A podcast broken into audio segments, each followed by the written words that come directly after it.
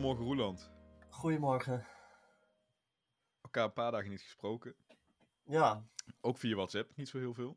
nee, jij had het eh, druk volgens mij. Ja, ik heb een vol weekend gehad. Ehm, maar goed, we zijn er weer. Dus dag, eh, WK dag 23, zeg ik dat dan helemaal goed? Volgens mij wel. Kan zomaar kloppen. Ja, eh, die tel een beetje kwijt. Door het weekend, ook door alle dingen die zijn gebeurd. En er is genoeg gebeurd op het veld. Maar ook naast het veld is er iets gebeurd. Laten we daar even mee, eh, mee beginnen. Ja, het, dat, ehm, dat wel een beetje ondergesneeuwd raakte in alle, in alle heisa die deze kwartfinales teweeg brachten. Wat ik ook wel snap. Maar laten we toch beginnen met even ehm, aandacht besteden aan Grant Wall. De, die Amerikaanse journalist die eerder dit WK nog in opspraak raakte omdat hij niet naar binnen mocht. Hij mocht een stadion niet in met het eh, regenboogshirt dat hij aan had. Ja, dat plaatste En- hij toen op Twitter. Hè? Ja, precies. Dat was volgens sowieso- mij echt eh, de, ma de maandag of dinsdag van het, van het WK. Ja, een van de eerste dagen. Sowieso heel actief op eh, sociale media. En ehm, eh, die is in elkaar gezakt tijdens Nederland-Argentinië op de tribune. Hij had net nog een eh, tweet gestuurd over die gelijkmaker van Wout Weghorst. En ehm, toen is hij 30 minuten lang gereanimeerd. Op de perstribune dus. Ehm, maar hij is helaas overleden en hij is maar 48 jaar oud geworden. En ehm, nou, dat raakt me wel. Ik bedoel, wij, wij zijn ook allebei journalisten. Nou hoef je geen, eh, geen vakkundige band met iemand te hebben om hierdoor geraakt te zijn. Maar het wat me er vooral, waar ik vooral wel van schrok, is dat hij in zijn podcast, volgens mij, vijf dagen voor die wedstrijd, ehm, al had aangegeven dat hij zoveel stress ervoer dat hij ehm, eh, drukkende pijn op zijn borst kreeg. En dat hij daarvoor naar het ziekenhuis was geweest. En ze hadden medicatie gegeven of zo. Ehm, nou ja, hij lijkt dus echt een, eh, een hartaanval te hebben gehad. En dat is wel schrikken. Ja, en eh, je, speculatief hoor, maar je krijgt die broer die vervolgens dat nieuws brengt. Ja, Met een insinuatie daar, daarin. Eh, en die, ja. Ik weet niet of mensen dat mee, ook nog mee hebben gekregen, maar die broer zegt eigenlijk: eh, Ik geloof niet dat dit natuurlijk was. En dat hier opzet in het spel is. Ehm, ja, dat is gewoon echt heel na. En ook wat. Ook gewoon even kijken naar zijn legacy, om het zo maar te zeggen. Hij is Amerikaans journalist. Was Amerikaans journalist, moet ik zeggen. En hij heeft die sport daar echt mee helpen groot te maken. Hij is een van de, de, de mensen daarachter die eh, door die stukken te schrijven, die podcast, echt content te maken rond het, rond het voetbal, heeft hij dat daar echt nog meer op de kaart kunnen zetten. En dan overlijd je in Qatar met het WK 2022 en dan het, Kat- het WK 2026. Moet hij straks gewoon, ja, dat, dat, dat, daar is hij er niet meer. In de Verenigde Staten, in zijn thuisland, in het land waar hij het eigenlijk mee heeft helpen Ja. groot te maken. En dat niet eens door op het veld te staan, maar door naast het veld te staan. heel tragisch. Dat is en heel ehm, tragisch. ja, wat die broer zegt. eh, het lijkt mij dus sterk dat er opzet in het spel is. Zo, ehm, eh, en ik snap de verdenking heel erg, maar je moet als, als je er uit een journalistiek perspectief naar kijkt, ook wel gewoon kijken naar de feiten die op tafel liggen. En als hij, weet ik veel, vergiftigd zou zijn met van die eh, pillen die een ehm, hartaanval ja, forceren, dan zou hij niet vijf dagen daarvoor al in zijn podcast gezegd hebben dat hij last had van drukkende pijn op zijn borst, bijvoorbeeld. Ehm, en misschien heb ik er dan totaal geen verstand van, maar ik denk toch dat het gewoon echt een tragisch geval van ehm, te veel stress, zwaar overwerkt. En, en die hele situatie met dat regenboog-t-shirt kan daar ook zomaar aan bijgedragen hebben. Maar volgens mij werkte hij voor Fox Sports. Ik zag een, ehm, een video van Fox Sports voorbij komen waarin ze een eerbetoon aan hem brachten. Was, waren ze uiteraard heel emotioneel. En ehm, eh, dat snap ik ook heel goed. Maar als het echt zo is dat, dat zijn werkdruk zich zo opgestapeld heeft dat het hem serieus zijn leven gekost heeft, dan moeten ze wel bij die zender even in de spiegel kijken en hier lessen uittrekken. Dus ik hoop dat Ja. ze die hype over, oh, het was opzet en het is een, het is een cover-up, dat ze daar bij Fox Sports in elk geval niet in gaan geloven, tenzij er bewijs op tafel komt dat dat wel degelijk was wat er aan de hand was. Dat zou nog gaan blijken natuurlijk. Hè. Er wordt tops op zo'n lichaam verricht. Ik denk wel...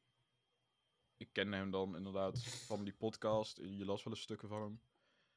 Maar lijkt mij dan ook niet de persoon die... eh, die broer zegt dat op een enorm emotioneel moment. Het is natuurlijk niet te bevatten. Ehm, maar ik denk niet dat hij zelf daar heel blij mee zou zijn als, als zulke dingen Nee, gezegd worden. En ik denk dat dat, dat, laatste wat hij zal willen. En dit is gewoon inderdaad, hij is gewoon niet in bescherming genomen tegen zichzelf. En jij noemt het van het regenboogshirt. Ik denk juist dat dat alles mee te maken heeft. Ik denk niet dat dit gebeurd was als dit WK. En het klinkt. Nee, dat klinkt niet raar. Ik denk niet dat het gebeurd was als het WK bijvoorbeeld in Duitsland had eh, ja. gespeeld geweest. Want dan had je al die issues niet. En dan was dat stressniveau een stuk lager. Hij werd ehm, geëerd door de FIFA voor de wedstrijden tussen Marokko en Portugal en die avond Engeland-Frankrijk. Wat ik aan de ene kant wel mooi vind. Ik ben, ben blij dat de FIFA het niet negeert. Aan de andere kant is het wel een beetje alsof ik parlementair verslaggever zou zijn, onder een tram zou komen en dat ze dan op het Forum voor Democratie-congres mij gaan eh, eh, een soort poster gaan ophangen van ja, kijk eens wat, eh, wat, hoe, hoe erg we missen. dus het is ook wel een beetje een rare vertoning. Eh, ja, eh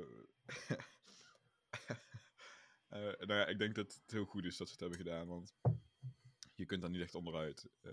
Nee, ja, voor de FIFA is het alleen maar nog meer negatieve pers als ze er niks mee doen. ja, dus dat, dat is toch gewoon de overweging en daarom moet je dat doen als FIFA. Zeker, maar ik kan me heel goed voorstellen dat het voor de familie van Ja, dat is meneer Wal nogal ja, hol overkomt. Ja, dat is enorm pijnlijk. Goed, om dan maar meteen naar iets veel minder tragisch te gaan, eh, maar nog steeds tragisch van een andere orde. De wedstrijd waarbij dit gebeurde, Nederland-Argentinië, laten we daar maar gewoon mee beginnen. Ja, en het leuke is, normaal appen wij elke dag wel even en dan hebben we het over, wow, wat een goal of wow, wat een moment of terecht, onterecht. Maar we hebben het daar nog niet over gehad, dus ik heb echt Nee. geen idee hoe jij er tegenaan kijkt. Dus letterlijk, hoe kijk je nou tegen dat verlies aan? Was dat nou terecht of niet? Ja, het was een terecht verlies. En wat vind jij? Nee, daar ben ik het gewoon helemaal mee eens.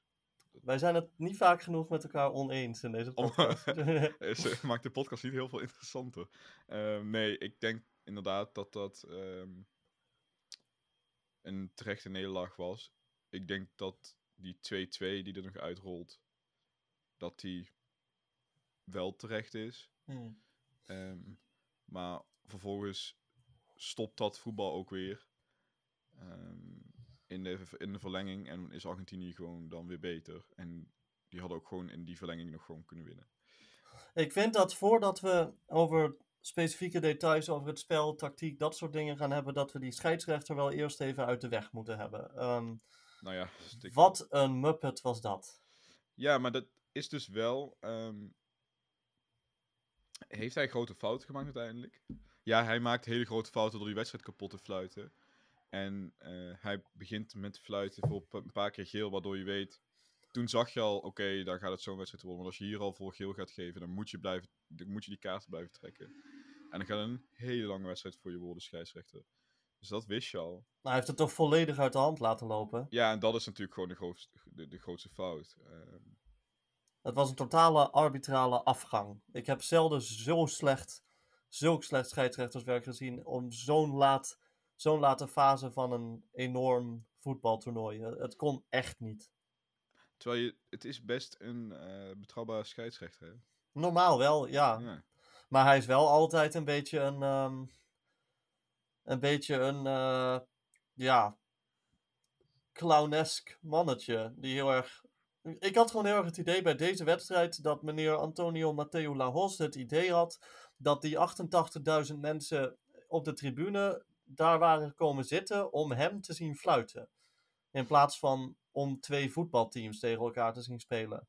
Ja, hij eiste volledig de aandacht voor zichzelf op. Mm, Ja, dat zeker.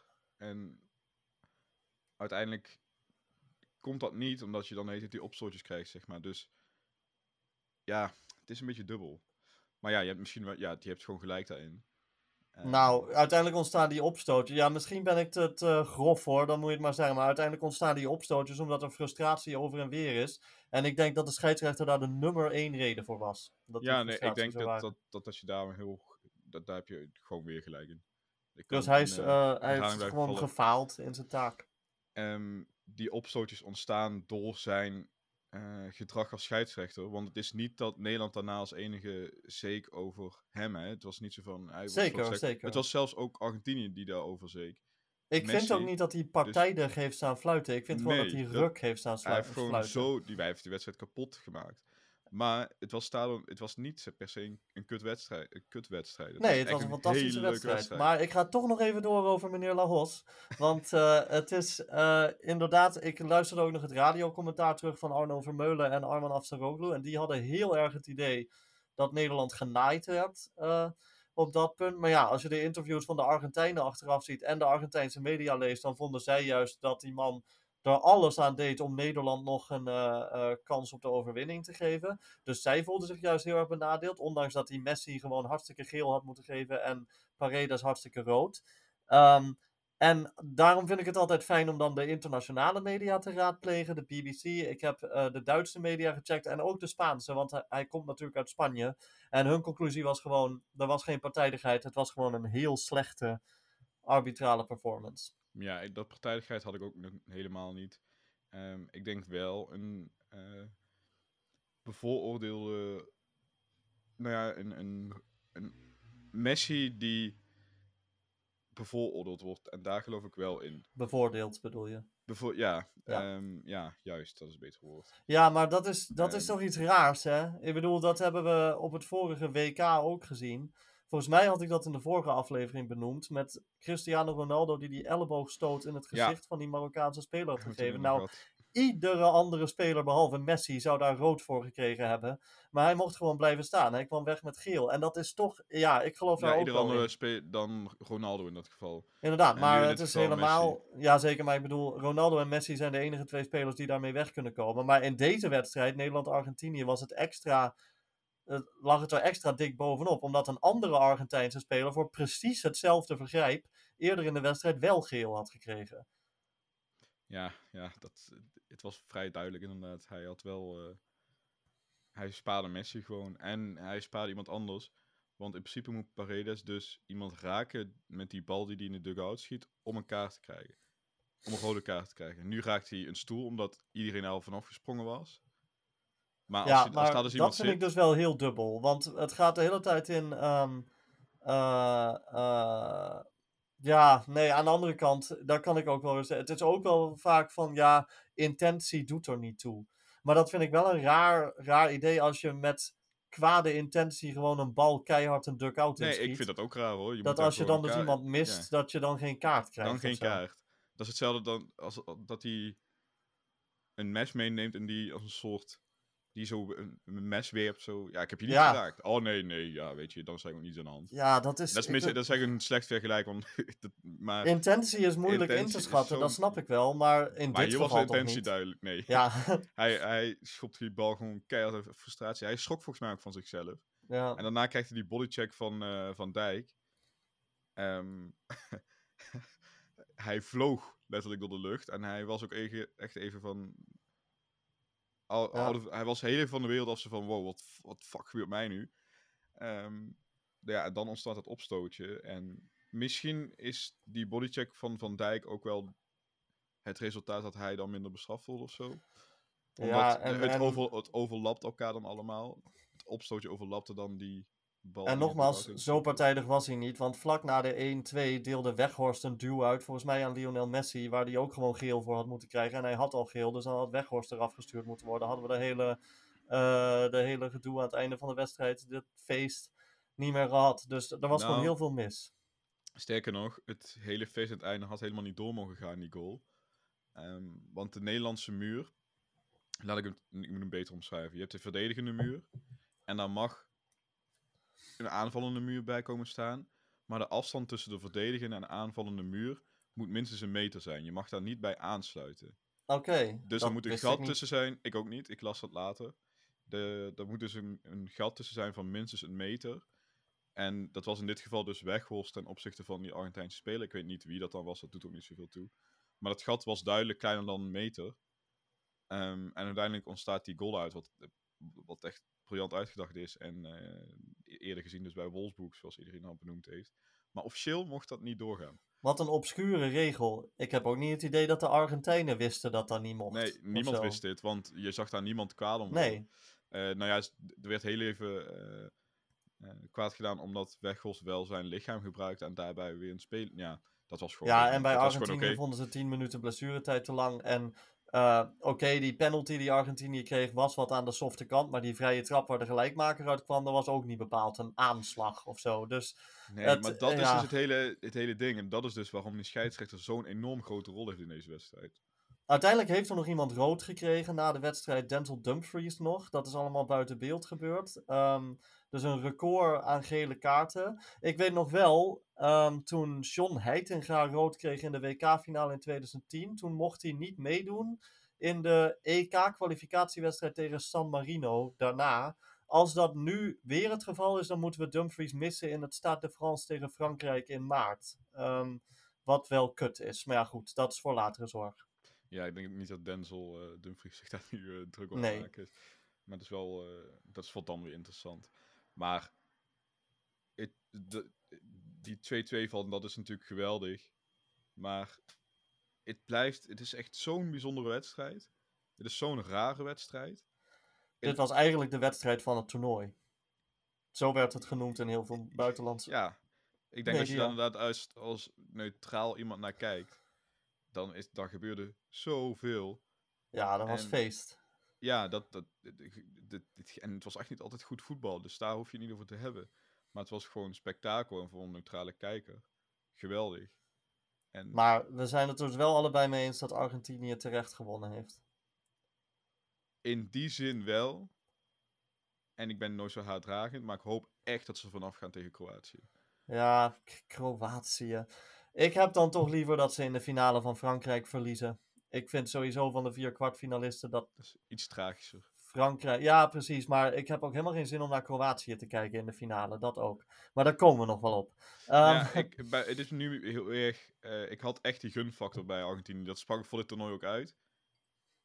Ik ben voor Nederland, maar ik vind het echt geweldig als Argentinië dit WK wint. Omdat er dan een kroon komt op de, op de carrière van Messi. Maar nu na zo'n wedstrijd denk je, ja, wat een, wat een misselijk, eh, misselijk team is dit ook weer. Ja, mijn, mijn steun voor Messi hangt sowieso aan een flinterdun draadje, omdat hij de toerisme-industrie van Saudi-Arabië propageert Ja. op zijn sociale media. Wat ik wel persoonlijk opvat. Ehm, maar dan nog, eh, mijn, mijn steun voor Argentinië kwam vooral over dat ik ze in de aanloop naar dit toernooi zo fantastisch vond. Qua hoe ze speelden. Maar daar heb ik echt nog helemaal niks van gezien Nee, op dit hele toernooi. Eh, Ze zijn het totaal kwijt. En ehm, ja, als ik dan kijk hoe Frankrijk speelt, los van dat zij ook geluk hebben gehad, maar daar hebben we het nog wel over, dan eh, eh, zou het toch wel een onrecht zijn als Argentinië uiteindelijk met die, met die trofee in zijn hand staat. Maar als het wel gebeurt, dan kan ik me daar uiteindelijk wel mee verzoenen. Ehm, maar wat je zegt, ik denk wel dat eh, Lionel Messi, die toch ook voor heel veel Nederlanders een, eh, een idool is. ehm, ja, echt wel heel veel. ja, dat hij toch wel die gunfactor behoorlijk kwijt is geraakt. En sterker nog, ik volg dan dus altijd tijdens de wedstrijd ook bijvoorbeeld wat ze bij de BBC, die hebben zo'n heel actief live blog. Alle andere media ter wereld moeten even kijken hoe de BBC zo'n live blog doet, want dat is hoe je een live blog doet. Ehm, die hebben daar eh, aan het begin van de wedstrijd was iedereen die, die eh, sms'jes instuurde ehm, voor Argentinië. En dat zag je ook aan de likes. En dat vind ik dus ook niet raar. Maar aan het einde van de wedstrijd waren mensen echt chagrijnig erover dat Argentinië gewonnen had. Ook in het buitenland. En ehm, dat, ja, dat is, zegt toch wel wat. Dit zegt enorm veel. En eh, dat stukje wat je net ook benoemd met Messi, met dat eh, dingetje over Saudi-Arabië. Ja, dit, dit- rare is, bij Messi sneeuwt het altijd een beetje onder of zo. Het is, Ja, bij Ronaldo als zegt de- iedereen dat altijd. Ja. Bij Ronaldo benoemt ook altijd iedereen dat hij belasting ontduikt. Terwijl Messi doet dat ook, maar Ja. daar hoor je nooit iemand over. Ja, het is, het is wel, als je eenmaal zo'n imago hebt van zo'n lieve, timide jongen. ehm, dan, is het, dan heb je het gemaakt in het leven. Maar dit was een wedstrijd waarin mensen zagen dat hij dat toch eigenlijk niet is. Hij is En dan volledig ben je het respectloos. Ja, Hij is volledig respectloos. Met dat eh babbeltje ook, dat doet hij wel vaker. Met dat handje, ik gebaar het nu naar jou, maar het, eh, Ja. het praten met de, met de mond en dat dan gebaren met het handje. eh, richting Van Gaal lopen. David zit daar ook bij. Hij heeft, ik weet niet of je die foto op- ooit hebt gezien heb ik gezien. Barcelona. ja. Ik gaat. eh, zo de, totaal respectloos. Zoveel En- oud zeer ook bij die Argentijnen. Ja, dat je echt denkt, je hebt ons in van? 2014 al verslagen. Toen was Van Gaal ook de coach. Hoe vaak mm, ga je, hoe lang ga je hier nog boos over blijven of Ja, zo? Maar een- ik heb wel daar nog kanttekeningen bij te plaatsen. Maar laten we eerst nog maar even over Messi hebben. Nou ja, er is een soort rivaliteit nu ontstaan tussen, eh, tussen Nederland en Argentinië. En dat is een rivaliteit die op wat nou precies gebaseerd is? Op die paar keer dat je tegen elkaar hebt gevoetbald. Dus dan heb je dus over eh 98, 2006, 2014. 1978 ook nog. 19, ja, 1978. En 1974 volgens mij ook. We hebben echt vaak tegen elkaar gespeeld. Ja, op, vaak eh, tegen elkaar gespeeld op een. WK. En daar ontstaat dan een rivaliteit en die komt nu volledig tot uiting eh, in zo'n Ja. wedstrijd. En waar, oud, jij zegt inderdaad, oud serie, maar waarom? En ja, die, die eh, eh, Martinez, de keeper met zijn kunstgebit, ook volledig over de rooien daarom en echt boos. Ja. En vervolgens kreeg je ook nog Messi in het interview die dan weer ruzie was aan het maken met Weghorst. En waar echt verschrikkelijk. Ik, heb, ik had eigenlijk ook best wel zwak voor Aguero. Die was daar ook bij aanwezig in die tunnel. Wat doe je daar? Ga thuis op Twitch gamen. Echt Ga hoor. weg. Het was, een, Ik- het was een gênante vertoning van Argentinië. Hij deed alsof hij, daar, alsof hij bij dat team hoorde. Het was een beetje alsof. Dat, het- moet je je voorstellen dat Wesley Sneijder ook in die tunnel had gestaan. En daar eh, ruzie had staan maken. Ja, daar had toch ook iedereen Ja. gekotst. Ik weet echt niet wat die gozer dat doet. Maar nu, nuance.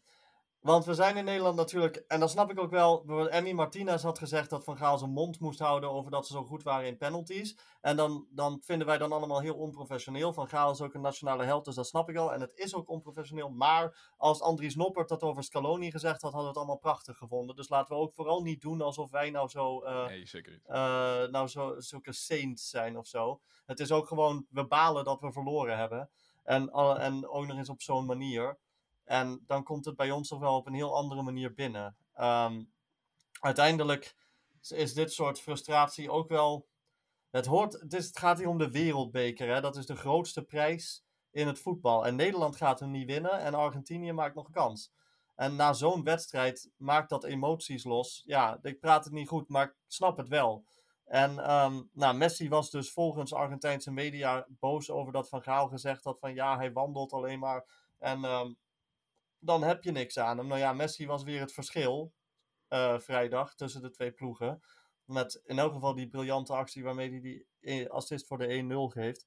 Nou ja, daar is hij dan dus blijkbaar boos over geweest. En dat vind ik heel kinderachtig van Messi. Maar ik vind het ook heel dom van Van Gaal.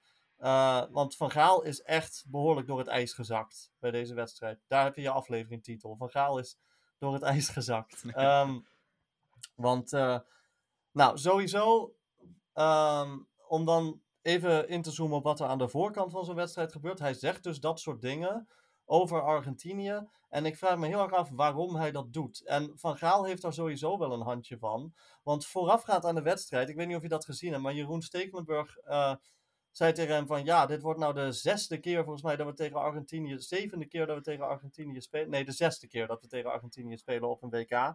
En daarmee halen ze Brazilië in. En toen zei Van Gaal van ja, maar als we van Argentinië winnen, moeten we tegen Brazilië. Dus dat trekt zichzelf alweer gelijk. Hm, Dus als we deze wedstrijd gewonnen hadden, dan zou die Kroatië ook al meteen tegen zichzelf in het harnas gejaagd hebben.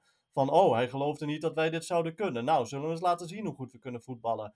En dat is best wel dom, vind ik. En Van Gaal is, is een beetje babbelziek. En daarom doet hij dat gewoon heel vaak.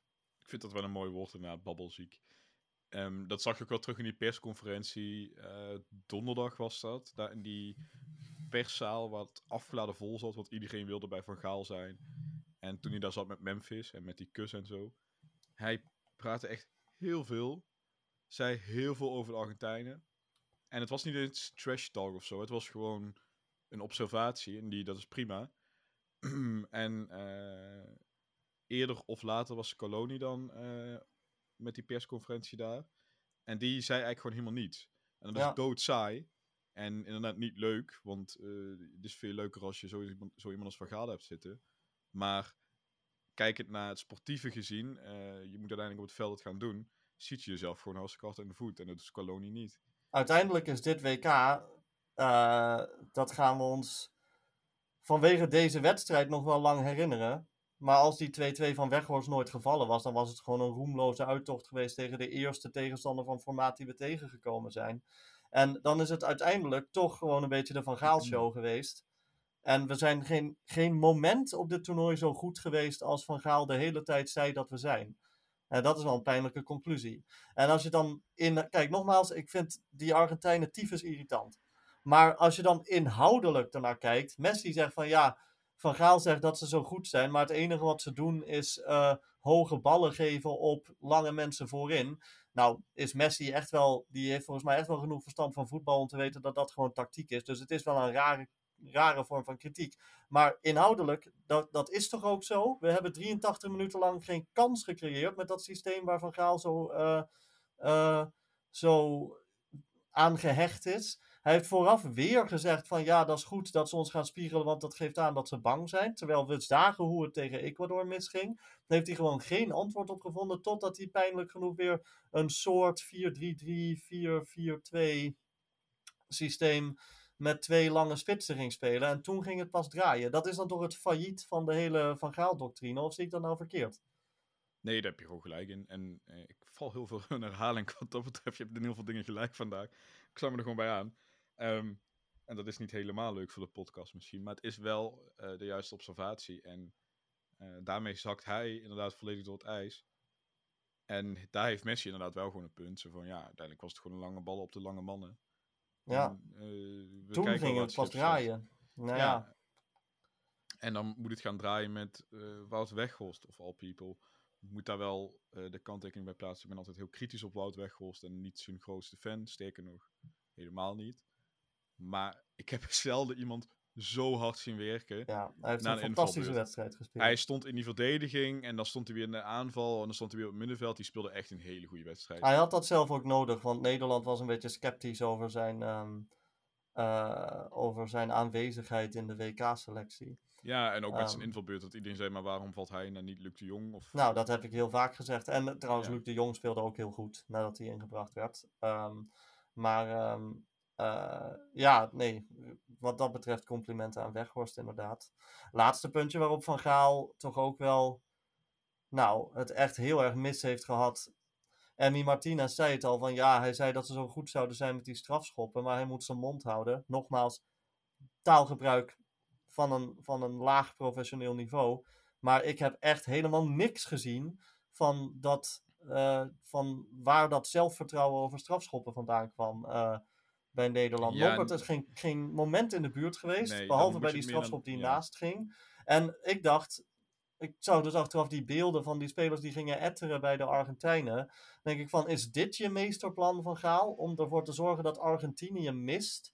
Want ik dacht juist dat het hele plan was dat we Nederland zouden laten scoren. En de keeper penalties zouden laten pakken. Maar het leek echt alsof het enige idee was van, oh, we gaan eh, die Argentijnen nerveus maken. Maar volgens mij leid je jezelf daarmee net zoveel af als eh, je tegenstander. En Argentinië was klinisch in de strafschoppen. En ik wil niet zeggen dat de penalties van Nederland slecht waren. Complimenten aan Emmy Martinez, fantastische keeper. Maar ik heb toch echt niks teruggezien van eh, waar dat zelfvertrouwen nou precies vandaan kwam. Nou ja, sterker nog, die penalties van de eerste twee, van Van Dijk en Berghuis, Ja. die missen. En dat zijn geen slechte, geen slechte penalties. Ook geen hele goede penalties, maar vervolgens krijg je die twee penalties van Nederland daarna. En die waren slechter ingeschoten. En daar zat Ja. de keeper weer volledig mis. Dus eh, dat, dat, het, het- ja, ik zou het dan vooral toch willen verhalen op Noppert. Op het hele ding van, hey, we hebben een we hebben test gedaan. En dan blijkt dus uiteindelijk dat Noppert dan daar de beste in is. Anders zou hij niet blijven staan, toch? Ja, lijkt mij ook. Ehm, maar ja, geen moment in de buurt. Uiteindelijk krijgt hij er eh, in totaal vijf om de oren, want die, in die wedstrijd kun je ook meerekenen. Ja. En heeft, heeft hij vijf keer één keer in de buurt gezeten, maar die penalty ging missen. Ja, hij was kansloos. En Hij dat is echt heel teleurstellend. Want hij had, ik ging mee in de hype. Ik dacht, nou, strafschoppen. Laten we nou eens kijken. Laten we nou eens afrekenen met dat strafschoppendilemma. De NOS heeft volgens mij ofwel gisteravond ofwel vanochtend een stuk geplaatst met een eh, met penalty expert Jury Vergouw, heet hij volgens mij. Die eh, er net zo verbaasd over was. Ik weet niet of je dat voorbij hebt zien komen. Nee, nee. Nou, ik zet maar in de show notes, want dat is echt een goed eh, artikel. Maar twee quotes die hij. eh, twee quotes uit dat artikel waar ik ehm, nogal op aansloeg waren. Ten eerste, hij zei dat strafschoppen een loterij zijn, dat zeggen alleen wij. En in Engeland, want daar kunnen ze het ook niet. Maar je zou een Duitser nooit horen zeggen dat penalties een loterij zijn. Als je er gewoon. Als twee ploegen er slecht op trainen, dan is het een loterij. Maar als twee ploegen er goed op trainen, dan wint de beste. En ehm, eh, dat vond ik wel een. eh, ik bedoel, hij is penalty-expert, dus ik ben, neem, neem sowieso graag aan wat hij zegt. Maar ehm, ja, ik, ik heb inderdaad dat hele loterijverhaal in de internationale media nog niet voorbij zien komen. Behalve in Engeland. Ehm, en ten tweede zei hij nog van, eh, dat hij het onzin vond dat je de druk van een, ehm, van een strafschopreeks niet kan oefenen. En daarover zei hij, piloten oefenen ook hoe ze een landing in de mist moeten doen zonder dat er 200 passagiers schreeuwend achter ze in een cockpit zitten. En daarvan dacht ik wel van, oké, maar dat gaat ook niet altijd goed, maar toch meestal wel. Ehm, en dat vond ik ook wel, ja, ik denk toch niet dat Van Gaal eh, echt zo, zo goed bezig is geweest met deze penalties als, ehm, als hij zelf dacht. En als ik dan kijk naar landen als Duitsland en Kroatië nu, Kroatië zijn eigenlijk de penalty koningen van dit moment. Hm, Wat, wat doen die wat wij niet doen? Snap je wel? Eh, het er veel minder over hebben. Ah, oké. Want? Nou Waarom- ja, we, we hebben, het ging toch alleen, we hebben het, het is wekenlang in de aanloop naar dit WK over, en dat heb ik steeds gezegd, gewoon niet doen, want het is echt zo saai, want het is niet belangrijk genoeg eh, over die situatie van de keeper, wie moet er op doel staan. Dat werd groter, groter, groter, groter, groter, totdat Sillissen afviel. Dat, dat baste soort bom en zo van, oh, hoe kan dit en wat gebeurt daar? En vervolgens blijft het tot aan die wedstrijd tegen. eh, nou ja, het werd ietsje eerder duidelijk dat het uitlekte van Noppert gaat keepen in die eerste wedstrijd op het WK. Ehm, maar dat bleef eigenlijk tot aan die aftrap onbevestigd. Ja, Voor ons, en voor de fans en voor media en eh, voor iedereen. Dus ik vind dat daar een veel te groot ding van is gemaakt. En vervolgens ging het ook alleen maar over die penalties. Van, oh ja, eh, hoe, goed, hoe is dat nou geoefend? Ehm, wat zijn de uitslagen van die tests geweest? Ehm, is Noppert dan de beste penalty nemer? Daar is nooit antwoord op gegeven. Ehm, vervolgens op die persconferentie ging het daarover. Toen met Blind. En dat Blind zei, ja, er is een lijstje. En er werden alleen maar vragen over gesteld. Het ging zoveel over de penalties. Je moet, je moet gewoon een wedstrijd spelen. Waarom hebben we het alleen maar over penalties? Alsof dat er altijd bij zit. Nee, dat is niet zo. Je kunt ook Ja. gewoon een toernooi winnen. het is natuurlijk wel zo dat een kwart van de knock-outwedstrijden op strafschoppen uitdraait tegenwoordig. Hè? Dus het is wel, er is wel een reële kans dat het gebeurt. Zeker, maar ik, kan, ik heb niet het idee dat die vragen eh, door andere landen ook zoveel gesteld worden.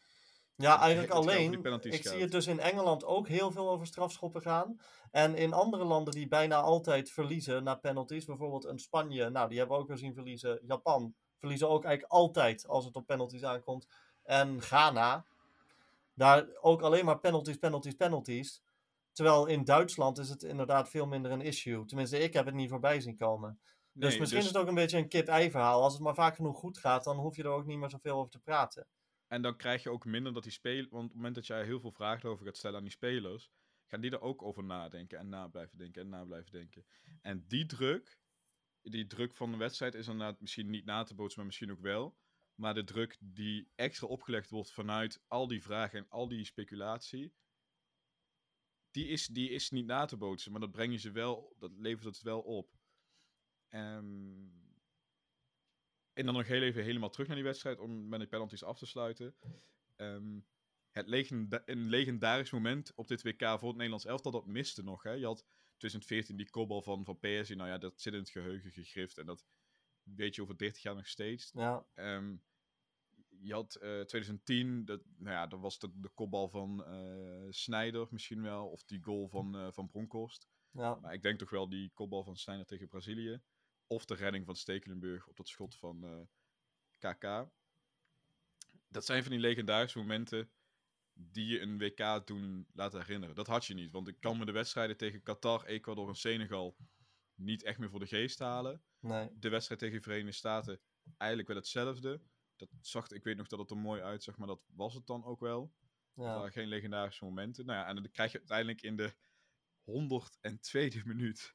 eh, in de reguliere speeltijd krijg je nog dat zo'n legendarisch moment. En dat is met die ingestudeerde vrije trap. De laatste goal ooit in de WK-geschiedenis. In de reguliere Ja. speeltijd. En dan nog een laatste ding. ehm, van de laatste 20 WK-wedstrijden heeft Nederland er één verloren. Ja, Even, en dan als je dan verloren is op het moment dat jij na eh, reguliere speeltijd plus verlenging nog steeds op een gelijke stand staat. Ja, Of- ik denk dat mensen misschien zich nog wel kunnen herinneren welke wedstrijd dat was.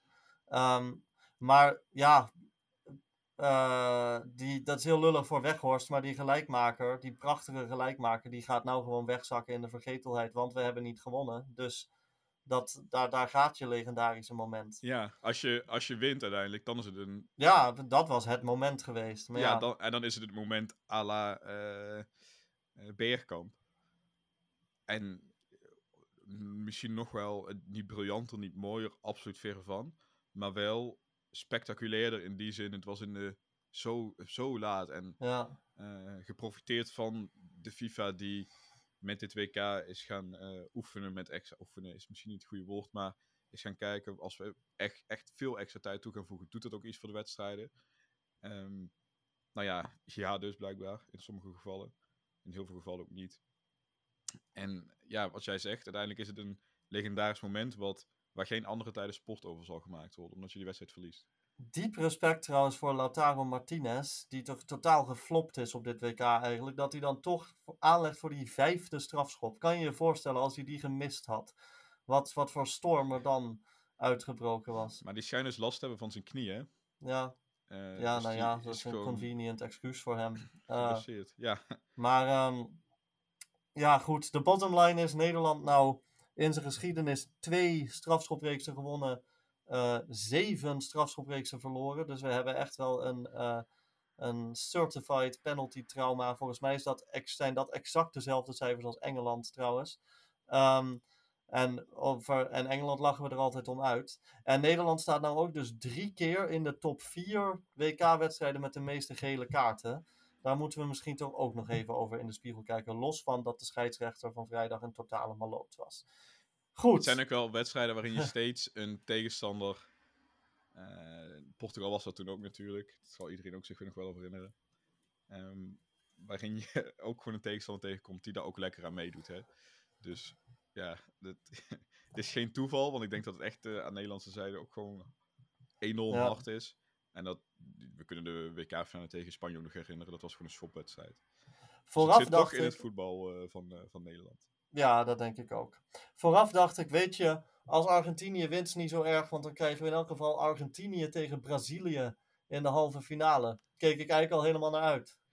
Maar dat liep toch een beetje anders. Ja, ehm de, de, de eh, zou, eh, zou Jan Rolfs dan zeggen. Ja. Die stelt toch wel enorm teleur. Opeens wel. Ik dacht, had juist tegen Zuid-Korea het idee dat ze echt in een toernooi aan het komen waren. Ja, maar we hebben die achtste finales hebben echt een totaal vertekend beeld gegeven van twee landen. Een ander land komen we dadelijk nog op. Ja, En dat bij Brazilië was ook. En dat was sprankelend. Maar eh, volgens mij noemde ik toen ook in de podcast van... Hey, je moet je niet op kapot staren. Want PSV won toen met 7-0 of zo. Met echt oogstrenend voetbal van Volendam. Maar het was gewoon omdat Volendam echt heel erg zwak was. ja, Ja, en achteraf gezien was Zuid-Korea dat dus ook gewoon tegen Brazilië. ja. Die waren gewoon echt te zwak. En dat, ja, de- alle respect naar Zuid-Korea, maar dat is dan gewoon zo. En het sterrenensemble kon totaal geen vuist maken dit, tegen dit ongelo ja, echt ongelooflijk goede middenveld van Kroatië. Ja. Dat is echt absurd. Daar kan ik, Ja. Daar wordt nog veel te weinig over gesproken hoe goed dit middenveld is. Modric Ja, was ik weet niet. Het is, Brozovic was weergaloos. Modric was fantastisch. En Ja. ehm, eh, dat is toch ook wel heel knap nog op zijn leeftijd. Echt een van de allerbeste middenvelders aller tijden. Dus Ja. een, wat dat betreft een, een groot voorrecht om hem nog zo lang mogelijk in actie te zien. Maar ja, misschien is het dan dat ze aanvallend zo tandeloos zijn. Eh, en die, die gelijkmaker was natuurlijk ook echt wel een lucky. Ehm, dus, eh, want die wordt echt enorm van richting veranderd. Ehm, dus ze, ze lagen ook wel op de rand van de afgrond. Ehm, waardoor ik dan, ja, ik denk dan toch van, moeten we nou weer naar Kroatië gaan kijken in de, in de halve finale? Ik weet het niet. Ik word er niet zo enthousiast van. En ik zie ook echt wel dat dat middenveld heel goed is. Maar het is toch vooral heel erg eh, een schaakwedstrijd elke keer. Wat wel toepasselijk is gezien het schaakbordpatroon op hun shirts. Maar eh, ja, die spelfilosofie. Ook tegen Japan waren ze de mindere ploeg. Eh, en nu hebben ze dus ook echt wel geluk tegen Brazilië. Ik weet niet of, of Kroatië mijn top 4 zou. Nou, weet ik eigenlijk wel. Kroatië zou niet mijn top 4 halen als ik vier landen moest nomineren. eh, om in de halve finale te staan. Nee, en het, het, het lot heeft gewoon heel vaak aan een zijde draadje van. Ik bedoel, België in de groepsfase was nog. Had het al mis kunnen lopen. Als Lukaku het vizier een beetje op scherp had staan. Dan sta je hier helemaal niet bij de laatste vier als Kroatië zijn. Nou ja, vervolgens tegen Japan inderdaad. Met geluk en ehm, niet per se eh, echt eigen verdiensten. Nou ja, je houdt tegen en dat is het. Maar ja, ik vind wel tegen Brazilië is dat wel echt eigen verdiensten. En dat is gewoon van je eigen krachten uitgaan. En dan weten dat dat niet in de aanval ligt. Prima, en dan ga je op deze manier voetballen. Er is een ander land dat dat ook doet, Marokko. Ja, Ehm, en die zijn aanvallend wel krachtiger. Maar ja, als je weet dat je kwaliteit daar niet ligt, moet je het ook niet gaan halen, want het is er niet. ja Dus- maar Marokko heeft nog één goal minder gescoord dan Kroatië op dit eh, toernooi. Vijf in totaal. Kroatië heeft er Ja. zes. Ze zeggen wel eens: ehm, defense wins championships. En eh, dat, dat laten twee van de vier halve finalisten die we hier hebben toch wel zien. Want het is eh, toch vooral aan een solide. Ja, Kroatië en Marokko verdedigen echt als een team, allebei. En ehm, dat, eh, ja, dat levert dan toch heel veel op. Want nogmaals, Marokko vijf goals. Nederland heeft er tien gescoord op dit toernooi. Maar ja, als je, als je gewoon geen tegen krijgt. En Kroatië krijgt er ook heel weinig tegen. Dan, ehm, ja, dan kan je echt ver komen. Maar het is niet het meest om naar te kijken. En ook al, ook al kwam het Kroatië misschien wel toe, uiteindelijk tegen Brazilië. Wat ze dan toch weer na strafschoppen winnen. Vier penaltyreeksen op rij nu gewonnen. Dat kunnen alleen de Duitsers ook zeggen. eh, als het op WK's aankomt dan. Nou, dan had ik toch liever Brazilië tegen Argentinië gezien. Ehm, maar ja, voor spelers als Modric en Guardiol en Livakovic. ehm, hartstikke, hartstikke mooi dat ze dit nog een keer mogen meemaken. Ja, en niet Brozovic vergeten, want die was ook echt, Brozovic was inderdaad Was- ook echt heel goed. echt heel erg goed. Ja, ik, ik, ik heb dat iets minder, dat gevoel. Ehm, ik, eh, ik, ik vond Brazilië fantastisch en die wedstrijd tegen Zuid-Korea. Ik heb die dus niet live gezien, maar eh, terug moeten kijken in eh, hoogtepunten en dergelijke. Fantastisch. En Neymar stond op, ook in die verlegging. Die goal is echt van absolute wereldklasse. van Ja. hem. Die, dat hij, hij wordt zo vaak uit balans gebracht en dan toch op de been kunnen blijven staan en dan zo afronden. Voor mij het doelpunt van het toernooi. was een prachtige goal. En toen dacht ik ook van ja, nou, dit was het voor Kroatië. Ja. Maar dat is eigenlijk heel dom om te denken bij Kroatië. Want kijk maar naar het EK vorig jaar. Nou, toen verloren ze uiteindelijk nog van Spanje. Maar toen hebben ze ook nog in de laatste vijf minuten een 3-1 achterstand of zo weten, weten weg te poetsen. Maar Die toen waren ze aanvallen natuurlijk ook wel sterker. Ja. En dat, je- had in deze hele wedstrijd zo van, ja, ze creëren niets. Eh, dus waarom zou je nu ineens dan wel gaan creëren? Want Brazilië gaat gewoon verdedigen. Maar dat was, Brazilië voetbalde daarna veel te, veel te naïef. Bij die Ja. tegengoal staan eh, iets van vier of vijf aanvallen staan op de middenlijn te kijken. Ja, Waarom ga je Ja. niet vol in die verdediging als Brazilië zijn op dat moment? Had je het makkelijk volgehouden, denk ik hoor. Want dat is denk ik een, een clash van, van voetbalfilosofieën. Ja, daar kan, dan kan dit gebeuren. En als je dan tegen Kroatië strafschoppen moet nemen, dan heb je eigenlijk al verloren natuurlijk. Het, het beeld kwam bij mij een beetje op eh, Ajax-Tottenham. Waarin Ja. die vrije trap dan komt en dan dat, eh, toen in die halve finale en die- uit die tegenstoot scoort Tottenham dan. Veel te opportunistisch misschien. Veel, en dan Ja. gewoon lekker inderdaad voor je doel gaan hangen. Dus het ziet er niet mooi uit, maar iedereen snapt het. Wederom een ramp voor Brazilië. Dit is ehm, Ja. eh, echt wel, eh, ze beginnen er eh, flink klaar mee te zijn in, in dat land. Tite is weg, opgestapt. Neymar zin speelt op stoppen als international. Daar geloof ik zelf niet zoveel van. Maar ehm, ja, dit komt wel echt hard aan. Dat zag je niet alleen aan de Braziliaanse spelers, maar ook gewoon dat, dat zo'n WK brengt dat hele land in vervoering. En dat komt dan wel heel erg abrupt ten einde op deze manier. Ehm, binnen een paar minuten van, van euforie naar totale desillusie. En ehm, mijn, mijn complottheorie is dat het geen toeval is dat Jair Bolsonaro net de dag daarna aangrijpt om voor het eerst iets te zeggen over die verkiezingsuitslag. Van, oh ja, het leger moet, ons, eh, moet onze grondwet verdedigen. En zij zijn onze laatste defensielinie tegen het socialisme en zo. Dat misschien, ik bedoel, wij snappen in Europa niet zo goed hoe belangrijk voetbal is voor Brazilië. Maar voetbal is gewoon politiek daar. En ik kan me heel goed voorstellen dat Bolsonaro expres een moment heeft uitgekozen waarop het Braziliaanse volk zich gekrenkt voelt in zijn nationale trots. Om op die manier een beetje olie op dat politieke vuurtje te gooien. Dus het, is, eh, het heeft eh, een behoorlijke weeromstuit in Brazilië. Maar ja, ze liggen eruit. En dus geen eh, Zuid-Amerikaanse halve finale tussen Argentinië en Brazilië. En Ja. dat, ben ik, dat, dat is jammer. Maar ik, ik juich, ik, ik kan echt wel genieten, ondanks dat het niet sprankelend is, maar wel van de. Ja, van, van dit Kroatië. Ik kan er toch van genieten. En Ja, maar je, je, ik moet er toch echt niet aan denken dat we weer Kroatië-Frankrijk krijgen. Net als vier jaar geleden. Ik, eh, ik hoop dat het gewoon Argentinië tegen Frankrijk wordt. Het zou geen unicum zijn, hè? Twee. eh twee Nee, dat is in eh, 1986 en 1990 was dat ook het eh, geval. Ehm, en toen was die tweede de allerslechtste WK-finale aller tijden. Als, dus nog een extra reden om er niet enthousiast over te zijn. Maar ja, we moeten het maar zien. We noemen Zwitserland en Servië continu reuze doders. Maar daar doen we Kroatië wel wat tekort mee. Eh, ook als je naar de Nations League kijkt. Daar moet Nederland misschien wel tegenkomen de zomer. Dan kunnen we het maar beter niet op strafschoppen laten uitdraaien. Want dan kunnen we net zo goed meteen eh, van het veld afstappen. Nee, ik, dat gaat heel erg afhankelijk zijn. Ik kan het best voor me zien op het moment dat zij hier de wereldbeker pakken. En dat kan, want je staat in een halve finale, dus waarom zou het Ja. niet kunnen? Dat er dan ook best wel, wat veel, best wel veel van de jongens zijn die dan zeggen...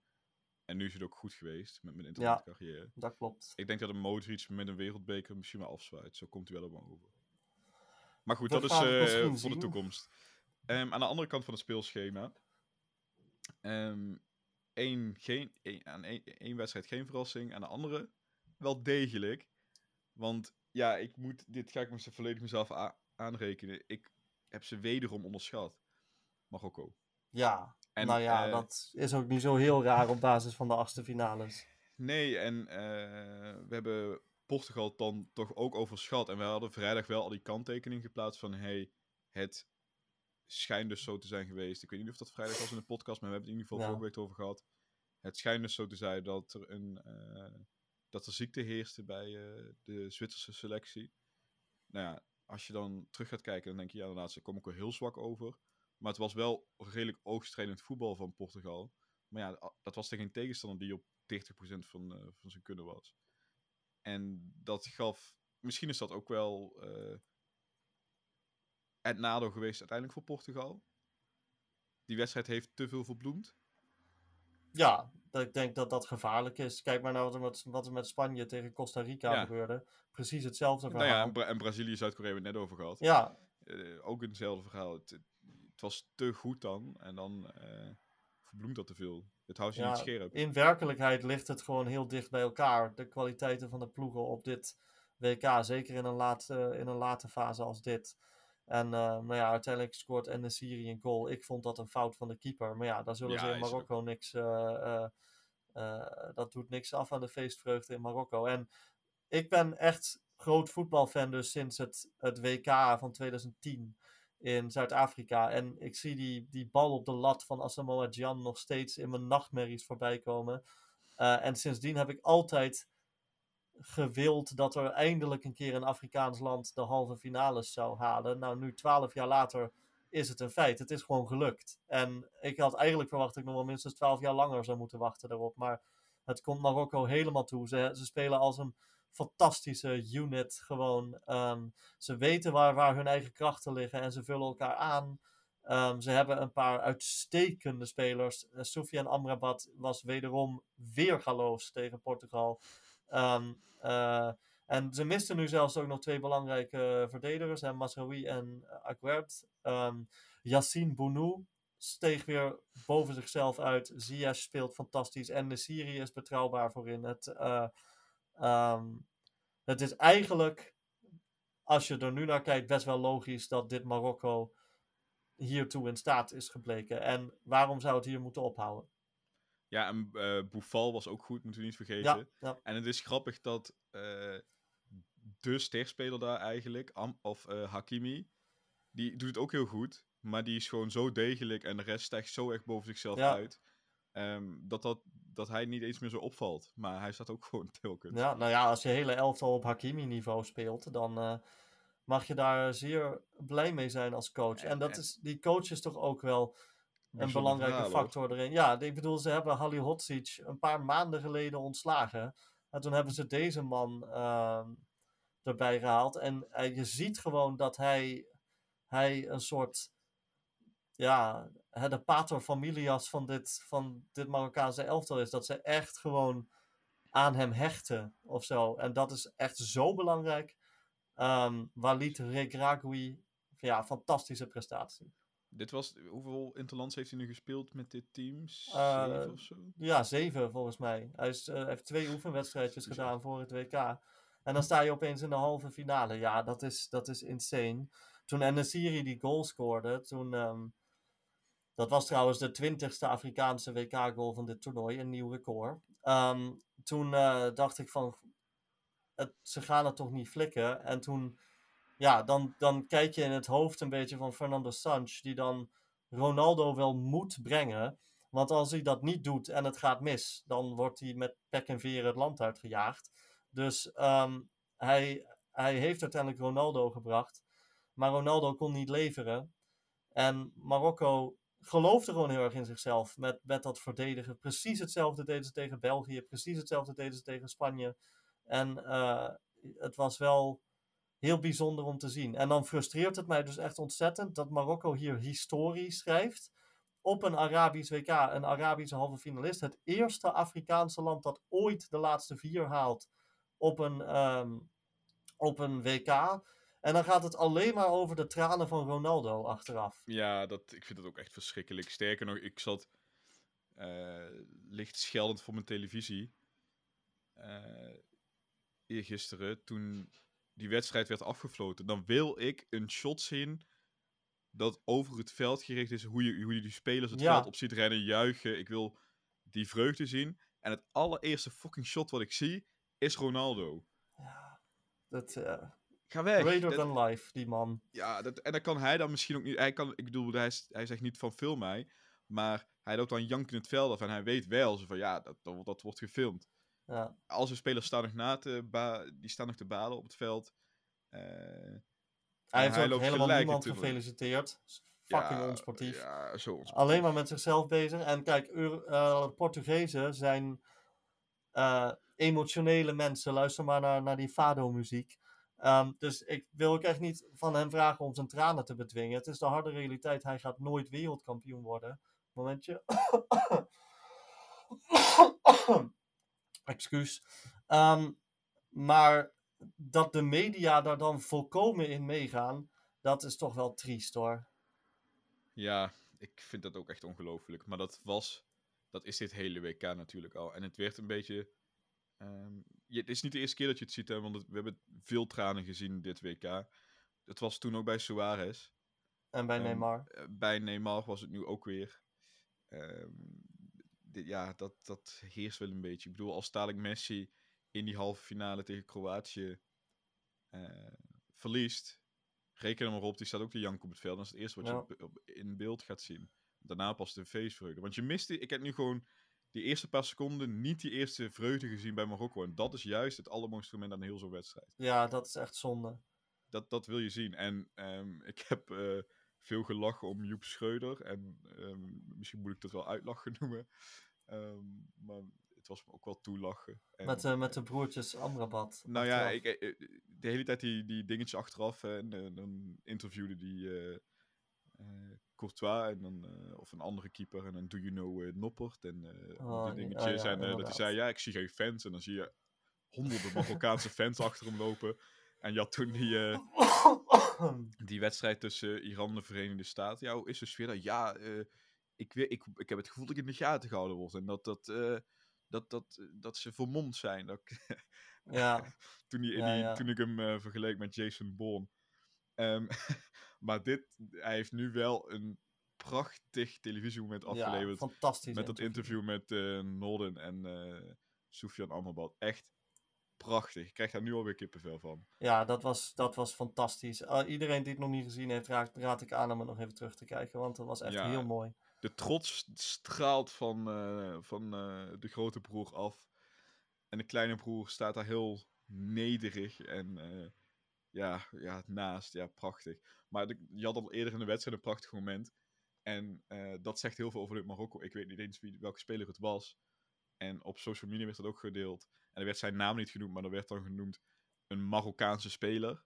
Ja, dat laat heel erg deze prestatie zien. Maar die gaf eh, dat kusje op het hoofd bij, eh Ja, bij Pepe. Pepe, daar- ja. Volgens mij was dat El Yamik die dat deed. Nou kijk, jij, je, ja. had je, je details wel op orde. Weet ik ook niet zeker hoor, maar dat was ja, schitterend. Ja, en Peppe die dan mist in eh, een van die laatste minuten van de wedstrijd. En hij geeft dan dat kusje van ja, bedankt.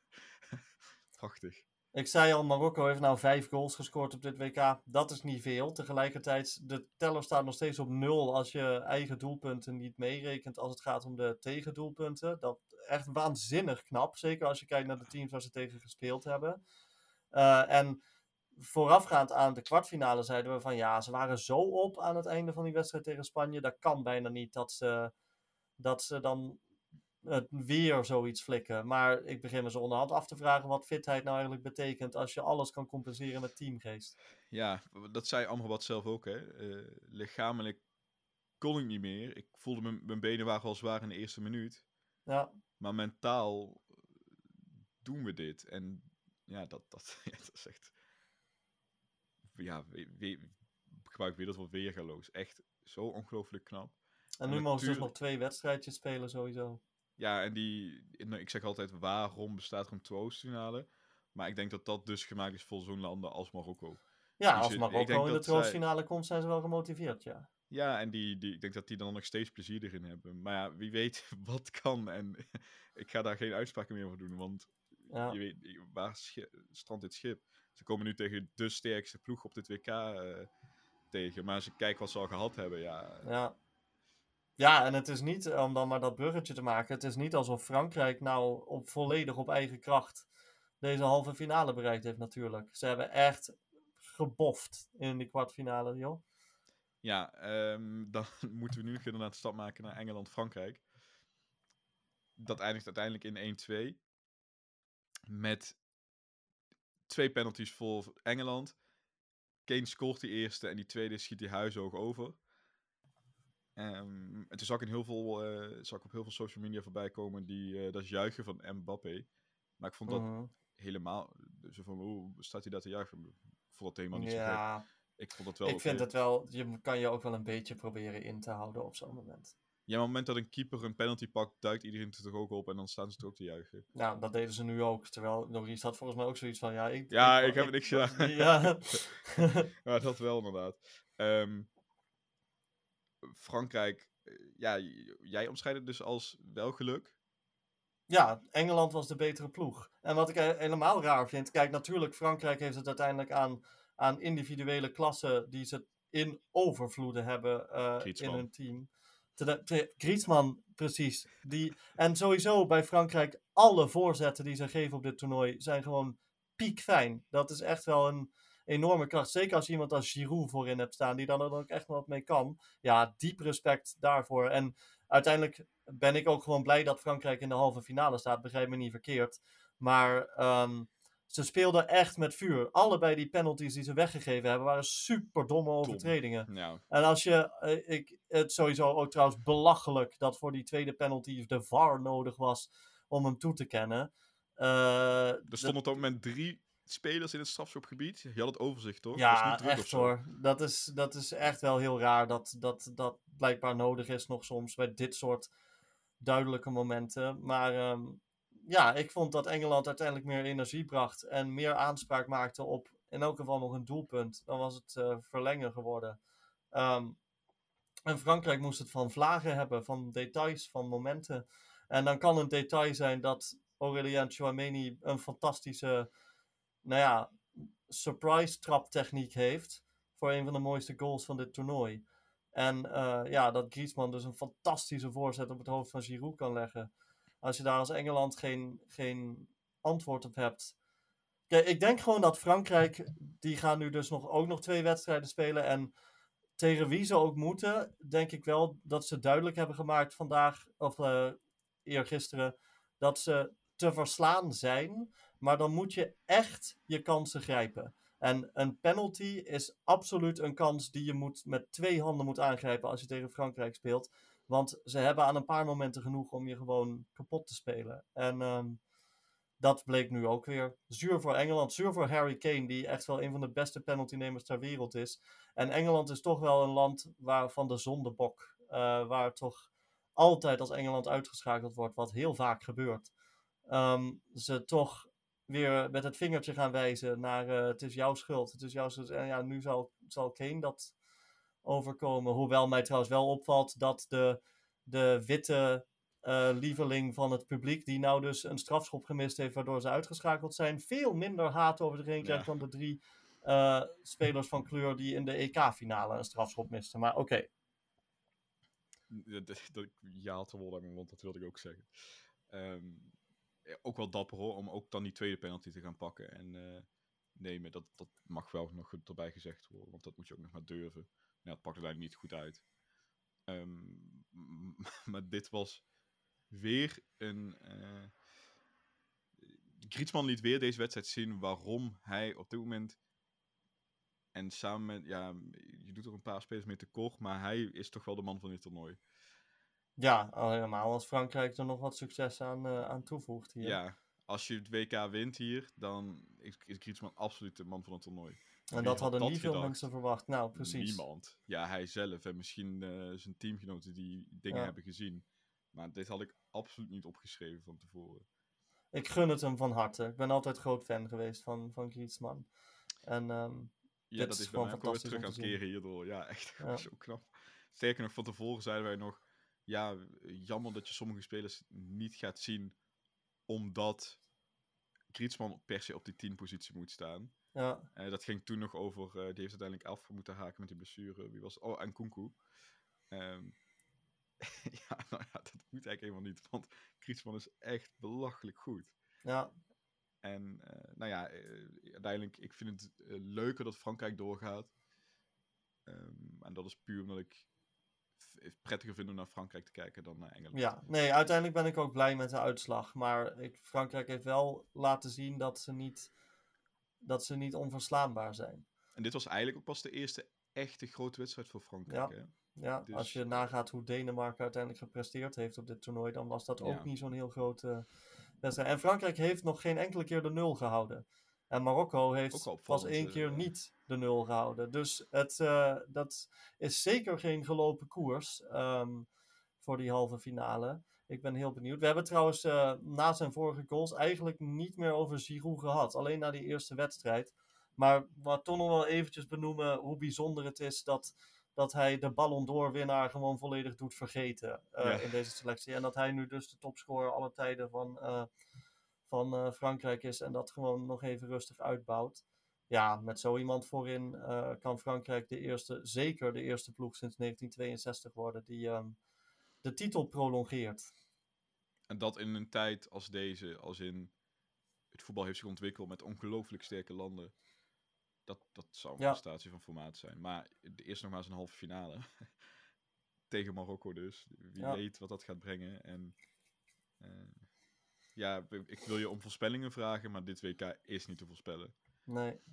Nee, het, uh, ik ga er gewoon heel erg naar uitkijken. Zelfs naar juist. Kroatië. Het is volgens mij de eerste keer, ja, de eerste keer sinds 1990 dat de beide finalisten van het vorige WK in de halve finales van het WK ernaast staan. Dus dat Zegt ook wel veel over hoe de wereld op voetbalgebied naar elkaar toegegroeid is. Ehm, en het is, uh, uh, er zijn, staan drie continenten in de, bij de laatste vier. Dat is ook heel bijzonder. Dat is alleen in 1930 en in 2002 eerder gebeurd. En het is nu dus aan Afrika om, uh, om te kijken of ze er nog een medaille uit kunnen slepen. Nou, die kans is redelijk groot.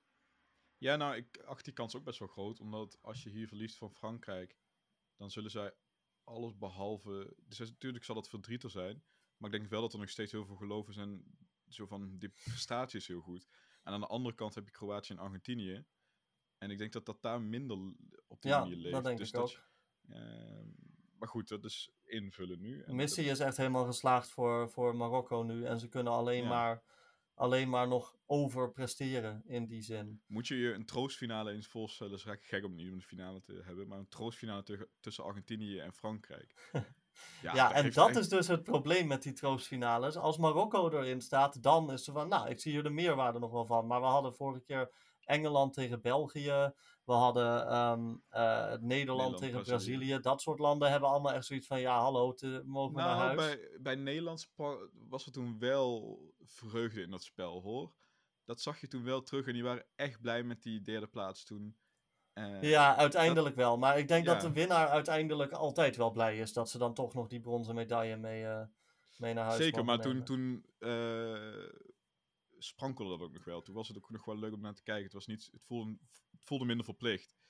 Nou, dat, je wilt geen troostfinale tussen Argentinië en Frankrijk zien. Dat, Nou ja, wat de finale betreft, we hebben nou vier opties. Argentinië en Frankrijk hebben allebei twee keer zijn ze wereldkampioen geworden. Dus die zouden dan onderling kunnen strijden om de derde ster. Dat is eigenlijk qua affiche natuurlijk wel de mooiste finale. Ehm, Kroatië-Frankrijk zou een herhaling van vier jaar geleden zijn. Kijken of, er dan, of het lot dan eh, anders uitvalt. Argentinië-Marokko zou een finale zonder Europese inbreng zijn. Dat is in 1930 gebeurd met Uruguay-Argentinië. En in 1950 technisch gezien ook, maar dat was niet echt een finale, maar meer gewoon de beslissende wedstrijd van een finale ronde tussen Uruguay en Brazilië. Maar het is niet alsof Zweden en Spanje, waar het volgens mij toen uitgeschakeld zijn, zeg maar. Dus die tel ik niet helemaal. En de laatste optie, Kroatië tegen Marokko, gegarandeerd een nieuwe wereldkampioen. Ja, niks zou mij meer verbazen op dit punt. ja, ja, wat dat betreft echt een heel mooi WK. Toch? Ja. Ja, maar om- alles, maar even qua puur even voetbal kijkend. qua voetbal schitterend mooi WK. En dat niks wat er op het voetbalveld kan gebeuren rechtvaardigt of legitimeert dit WK op in welke zin In welke dan ook. zin dan ook. Ehm, en eh, daar moeten we ook, als we terugkijken op dit WK, altijd eerlijk over blijven. Ehm, maar ja, weet je, het is eh, uiteindelijk is het ook wel een fijne manier om hem nog een beetje plezier te schrapen uit deze zware tijden. En ehm, wat dat betreft levert dit toernooi wel heel erg. Ehm, eigenlijk een hele mooie afsluiting, maar ik heb toch nog een vraag. Zal, zullen de Belgische spelers nu iets positiever terugkijken, wetende dat je uit een pool bent gekomen, of eh, een, in een pool zat en dan niet uitgekomen bent tegen nu twee eh, halve finalisten? Ja, daar dacht ik ook nog over na.